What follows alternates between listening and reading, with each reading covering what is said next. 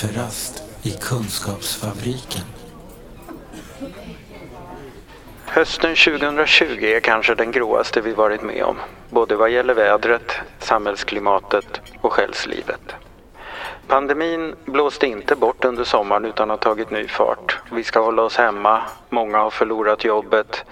Oavsett om julen blir vit eller ej så är det stor risk att den blir digital. Många far illa av att allt står still och när det här är över är det många som behöver hjälp att komma på fötter igen. Hur stänger man ner ett samhälle utan att skapa lidande? Och hur får man fart på det igen så att de som farit mest illa får rätt hjälp? Den 23 november arrangerades ett webbinarium för att diskutera de här frågorna. I samtalet deltog socialminister Lena Hallengren, Folkhälsomyndighetens generaldirektör Johan Carlsson, Suicide Zeros generalsekreterare Rickard Bracken och Anki Sandberg som är ordförande hos oss i NSPH. Samtalet leddes av Alexandra Charles som är ordförande för 1,6 och 2,6 miljoner klubben och Martin Schalling som är ordförande i Fonden för psykisk hälsa. Efter seminariet lyckades jag få en pratstund med Rickard Bracken. Du är idag generalsekreterare på Suicide Zero. Ja, det stämmer. Ja. Hur länge har du varit det nu då? Ja, men jag har varit nu eh, nästan precis ett år. Jag började eh, lite grann på halvtid i december förra året. Mm. Och innan dess så, vad gjorde du då? I, innan dess så eh, jobbade jag i ett projekt eh, på Sveriges kommuner och regioner eh, inom det som heter Uppdrag psykisk hälsa eh, och jobbade där mycket med frågor kring, kring arbetsliv och sjukskrivningar och hur man kan eh, förebygga och satsa tidigt och så vidare. Just det, ni jobbade med en del konkreta liksom, utvecklingsprojekt ute i landet och sådär. Ja precis, jag hade förmånen att göra det och fick också jobba tillsammans med, med kommuner som, som valde en annan väg och valde liksom att satsa ganska rejäla resurser på det tidigt förebyggande arbetet och på det sättet visa att det faktiskt lönar sig att, att eh, göra den här typen utav, utav, mm. um, utav stöd tidigt. På det sättet få ner sjukfrånvaron och, eh, och det är någonting som påverkar kvaliteten i, i, i välfärden och, och också kostar en arbetsgivare mycket när, när människor är borta. Ja, just det. Och innan dess så var ju vi nästan kollegor för då var du kampanjgeneral på Järnkoll, eller hur? Ja, precis. Ehm, det stämmer att jag jobbade för Järnkoll som eh, eh, ansvarig för, för det projektet när det var ett, bedrevs som ett regeringsuppdrag. Mm. Eh, jag, jag satt ju då på en, en, liten myndighet som hette Myndigheten för handikappolitisk samordning, Handisam. Just det. Som inte finns längre. Nej, det gick mm. upp i mm, vad heter det, Myndigheten för delaktighet va? Just det, det mm. stämmer. Ja.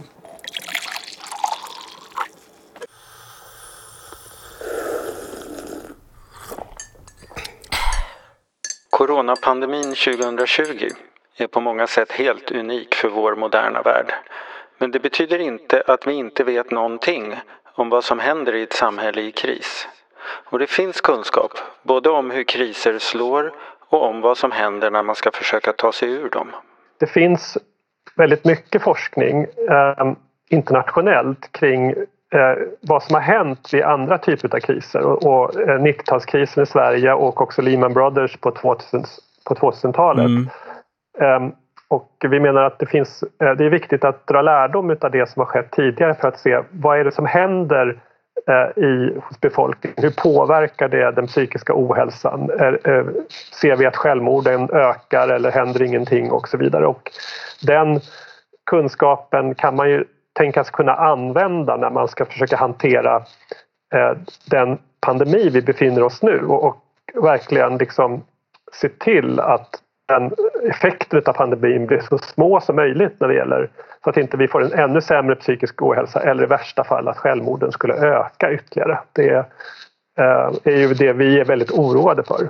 Och, och sen är det också som så med officiell statistik att, att det är någonting som kommer i efterhand. Och och, och, vi vill ju inte att man liksom ska vänta och säga ja men nu såg vi att självmorden i samhället har ökat ytterligare och nu behöver vi satsa eh, förebyggande. Det är ju för sent att göra det. Så att säga. Ja, Utan man behöver titta på vad är det vi kan lära oss och vad är det vi behöver göra annorlunda för att undvika och, eh, eh, undvika en ökad psykisk ohälsa i befolkningen och att minska risken för att också självmorden ska öka. Ja, just det. Och då är det ju dessutom så att om självmorden, vare sig de minskar eller ökar, men de är ju toppen på ett isberg. Så är det. Eh, mm. Så att eh, det som i slutändan blir ett självmord föregås av ett ännu större antal självmordsförsök och ett ännu större utspritt lidande bland människor som närmar sig de där gränserna. Så att säga. Så är det verkligen. Och, och, och det i sin tur påverkar eh, så många andra människor som finns omkring. Så om man till exempel bara tar eh, de unga, säg ungdomar i åldern 15 till 24 år, Eh, så är det idag ungefär 160 unga som varje år tar sitt liv. Och vi har sett också under en tid att andelen att det här har ökat något, mm. ungefär 1 procent per år. Eh, och de här 160, vilket är en, tycker jag, en fruktansvärd siffra, att 160 barn och unga dör årligen, år efter år.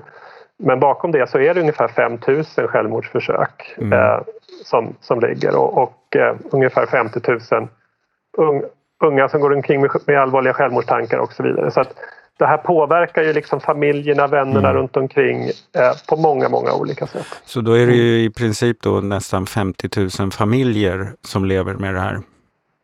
På något sätt? Ja, min, minst skulle ja, jag säga. Mm. det, det, här är ett, ett, stort samhällsproblem och att beskriva det som toppen på ett isberg, det tycker jag är, är, är, är det är en bra bild mm. um, att göra det. Och det, det är en fråga där det inte heller finns några enkla givna lösningar utan den jobbiga slutsatsen är att det här är någonting som berör hela samhället. Mm. Väldigt många aktörer måste jobba tillsammans för att göra verklighet utav, utav den, att jobba för den här vision, nollvisionen som finns i samhället och mm. att, att verkligen vända och se till att vi drastiskt kan minska eh, antalet självmord i samhället. Och det är liksom det vi vill verka för. Och då behöver man jobba från bägge hållen. Dels från toppen av isberget och se till att hindra att folk dör.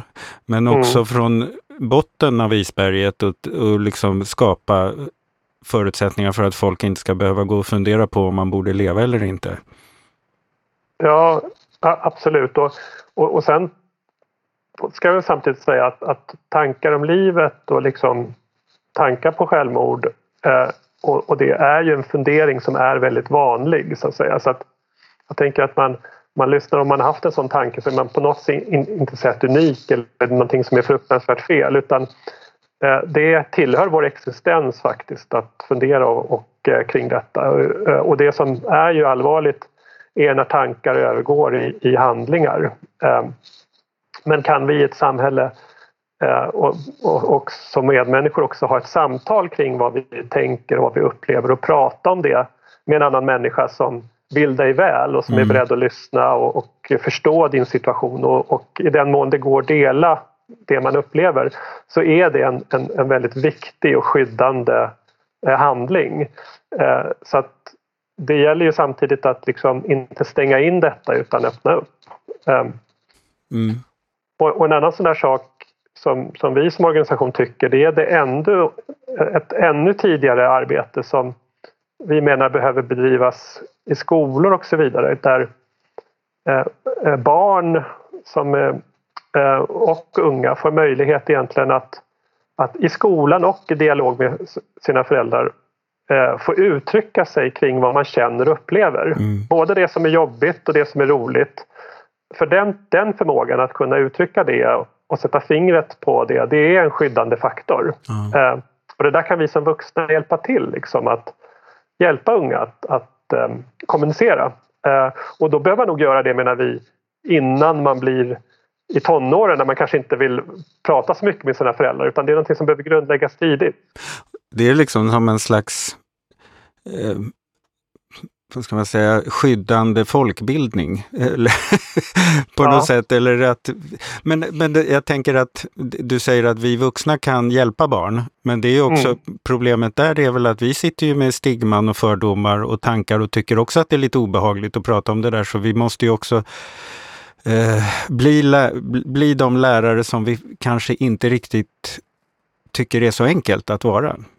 Ja, det, um, det stämmer. Och vi som förälder så är man ju väldigt, blir man ju väldigt lätt också åtgärdsinriktad. Att mm. Man hör att, att ens barn har något jobbigt med någonting och så vill man direkt lösa det. Och, det man kanske behöver göra i första hand är att vara tillgänglig och lyssna och mm. bekräfta och berätta för sitt barn hur, Eh, att, man för, att berätta vad man, vad man hör och att, att man älskar sitt barn och att man vill stödja barnet genom detta. Och, och bara lyssnandet i sig är mycket värt. Uh-huh. Vi har eh, tog faktiskt fram här med stödet av Allmänna arvsfonden så har vi tagit fram en bok som heter Livsviktiga snack som handlar precis om, om detta. Det är också en sida mm. som handlar om att ge inspiration och stöd till föräldrar att hålla den här eh, dialogen igång mm. eh, utifrån att vi vet att det är så skyddande.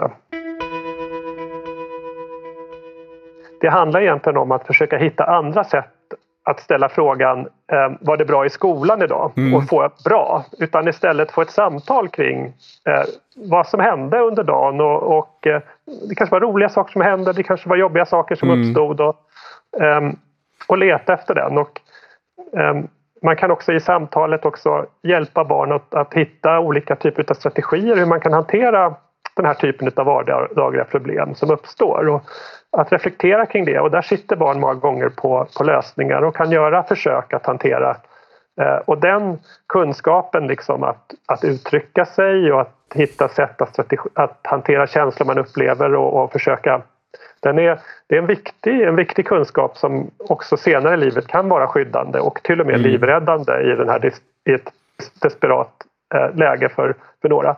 Men det är en kunskap som är rolig att ha för alla och den är också för både vuxna och barn så bidrar det också till bättre relationer och närmare relationer och viktigare samtal. Så mm, det. det. är verkligen någonting för alla. Mm. Det där är ju en generell sak för, för vår samhällsutveckling, att liksom skapa den där ska man säga, kompetensen eller kulturen eller så. Men den är ju kanske extra viktig nu under ett sånt här skede när vi inte får träffas, när, när alla är socialt lite ansträngda på något sätt. Så att då är det kanske ännu viktigare att ha, börja öva upp den där förmågan att lyssna på olika sätt och, och låta saker bara få vara. För det går ju inte att åtgärda så mycket just nu. Vi kan Nej. inte trösta oss med att säga, men då går vi ut allihopa och äter middag mm. eller hittar mm. på något, för det får vi inte göra. Så mm. att av det skälet så är det ju en kompetens som kanske är extra viktig nu då. Mm. Men, men det jag tyckte var riktigt spännande igår, när ni pratade, det var du och det var Johan Karlsson från eh, Folkhälsomyndigheten Mm. Eh, bland annat. Som, vad var det man såg från de här kriserna tidigare som du tror att det är viktigt att lära sig från? Ja, men en sån där sak som jag tittade särskilt på en, en stor studie som var en sån här stor registerstudie. Eh, och det nästan, var nästan 4, 4 miljoner människor som man kunde följa på det sättet. Mm. Och då tittar man på perioden 1990 till 2007. Och så följde man eh, och så hade man också fokus på, på självmorden och så tittar man också på, man delade upp det också och tittade på inkomst eh, så man kunde titta lite mer fint eh, på detta. Mm. Och under 90-talet så hade vi en, en, en, stor kris i samhället och, som ledde till stora förändringar i den offentliga sektorn och besparingar i den offentliga sektorn och så vidare. Och om man ska sammanfatta det där, man kan säga att det man såg det är att självmordstalen under den här perioden minskade faktiskt. Så att man har sett en, en utveckling i rätt riktning. Men Däremot så är skillnaderna mellan olika grupper eh, väldigt stora. Så att, eh, för dem i de högre inkomstskikten så har man sett en, en kraftigt, eh, kraftig minskning i självmordstalen. Men i synnerhet då för kvinnor i de lägre inkomstskikten så har man sett en ganska kraftig ökning under samma mm. period. Och det är väl ingen som kan säga exakt vad det här handlar om eh, men Eh, det man pekar som troliga förklaringar var ju just de förändringar som skedde i den offentliga sektorn. Mm. Vilka var det som blev av med jobben? Mm. Jo, det var kvinnorna anställda i den offentliga sektorn. Eh, det var de också som fick drabbas av de ekonomiska försämringarna och så vidare. Och det har också skett en effektivisering av den offentliga sektorn eh, som har bidragit till sämre arbetsförhållanden som också har påverkat kvinnor och så vidare.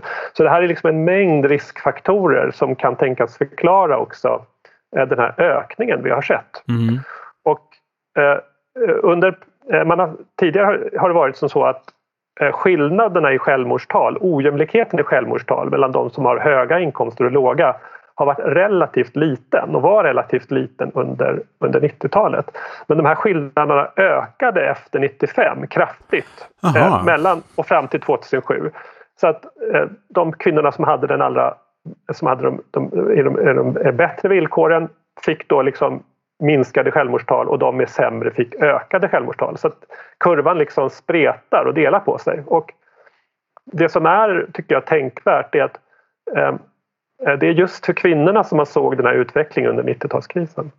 Mm. Eh, och, och, det som händer efter en sån här lågkonjunktur eh, är ju att när väl ehm, ekonomin börjar rulla igen, då är det de med bättre förutsättningar som kommer ut i arbete, man börjar tjäna bra med pengar, man kan köpa hus och man får en väldigt giv, en bra situation. Men det finns också en, en grupp människor som inte kommer in på arbetsmarknaden, som jobbar med låglönejobb och så vidare som befinner sig i betydligt tuffare skikt. Mm. Mm. Eh, och det där tror jag är någonting som är väldigt, väldigt viktigt att ha koll på i det som kommer efter pandemin mm. och titta på så att vi kan hålla ihop samhället och att man inte får ytterligare liksom, stora skillnader mellan grupper. Eh, och att, att det handlar verk, verkligen, verkligen om från, från, från eh, kommuner och regioner och stat att, att ge stöd till dem som har behov av stöd. Eh, ja, de som har störst behov kanske till och med. De som har störst behov av stöd, ja.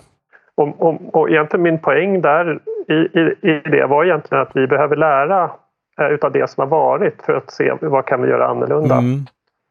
Eh, och, och, nästa sak som, som man också behöver vara, vara vaksam över det är ju att en sån här pandemi som vi är inne i påverkar ju ekonomin i hela samhället och det kommer påverka skatteintäkterna.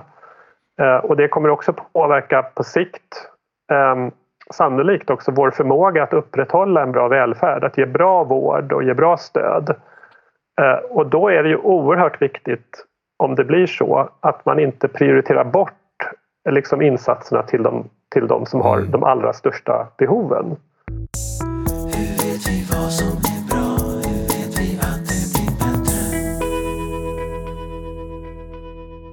Är det här frågor som ni börjar driva i Suicide Zero? För att det här handlar ju mycket mer om än om bara självmordstalen utan det handlar ju liksom, börjar ju peka på en, en typ av samhällsförändring. Som... Mm.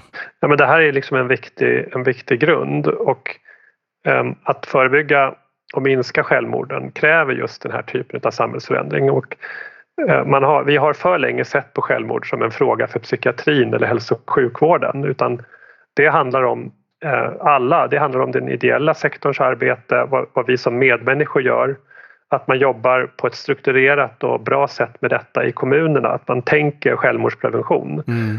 Eh, eh, inom polisen, inom räddningstjänsten. Så det är en, en, stor, stor samhällsfråga. Liksom. Mm. Eh, och, och, politiken har ju såklart liksom en grundläggande roll att skapa möjligheter och, och se till att, att man kan liksom ge också ett eh, bästa möjliga stöd till de människor som som har det största behovet. Eh, det tycker jag är en självklar uppgift i, mm. i politiken och eh, som sagt den här typen av kriser riskerar att driva på ut eh, ojämlikheten ytterligare och det är en utveckling som, som då riskerar att öka självmordstalen bland de som får de sämre villkoren. Mm. Ja, det är mycket man ska tänka på för att folk ska må mm. bra jag, jag, tycker att, att den, de ideella organisationerna där ja, fyller ju verkligen en viktig funktion också. Just att det, man skapar forum för möten mellan människor och, och um, um, uh, möjligheter för personer att formulera sina erfarenheter och försöka använda de erfarenheterna för att verka för ett, ett, bättre, ett bättre samhälle utifrån det man bär med sig och det, det är en jätteviktig, jätteviktig roll. Mm. Um, och, och jag, jag tror överhuvudtaget det där att, att, eh, att, äh, ta hand om liksom, utifrån de erfarenheter man bär med sig försöka använda dem för att forma ett bättre samhälle är mm. otroligt så här, hälsobringande och viktigt. Och I det träffar man andra människor, man kanske får nya vänner. Eh, och det där, min bild och erfarenhet är att där är den ideella sektorn smått suverän. Mm. Um, det jag tänker på är att det här eh, livsviktiga snack, eran mm. skrift där. Det, mm. det som den tar upp på individnivå, att så här kan du göra i förhållande till ditt barn. Mm. Det här är kanske ett smartare sätt att lyssna för att skapa en slags tillit i kommunikationen mm. och sådär. Det är ju det i någon mån som vi i den ideella sektorn försöker göra fast på samhällsnivå. Att så här lyssnar mm. man. Det här är att ta vara på röster och att mm. eh, lyssna på människor på riktigt. Det här är inte bara utförsäkringsdatum eller det här är inte mm. regler utan det här är ett lyssnande på något sätt. Eh, mm. Som, mm.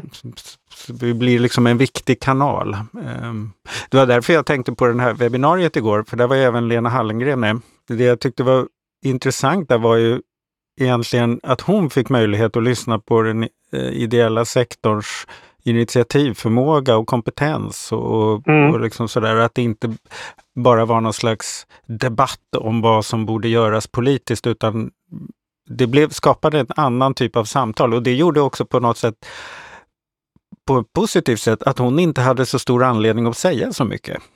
Utan, utan hennes mm. roll där blev att liksom få hjälp att lyssna egentligen. Mm. Ja, men det, det, det, tycker jag och sen uppfattar jag att um, den nuvarande regeringen också ser den ideella sektorn som en viktig kraft. Och mm. Jag tycker de har fattat ett antal beslut som handlar om att försöka förbättra villkoren för ideell sektor att verka. Mm. Eh, som går i linje med vad vi har pratat om i många år, att få eh, bättre förutsättningar för att kunna verka för, eh, långsiktigt. Mm. Det är mm. inte fortfarande bra men det är bättre och går i rätt riktning. Så det, mm. jag hoppas att det är någonting som kommer att fortsätta. Bra. Det tar vi med oss. Mm. Är det något jag har glömt att fråga om? Um, ja, jag vet inte. Det är det säkert inte. Men jag kommer inte vi, får på väl det. vi får väl återkomma. Uh, keep up the good work. Detsamma Mårten, detsamma. Ta hand om dig Rickard, vi hörs. Ja, hej. Den här podden görs av NSPH, Nationell samverkan för psykisk hälsa. Läs mer på vår hemsida www.nsph.se eller följ oss på Facebook. Kafferast i Kunskapsfabriken.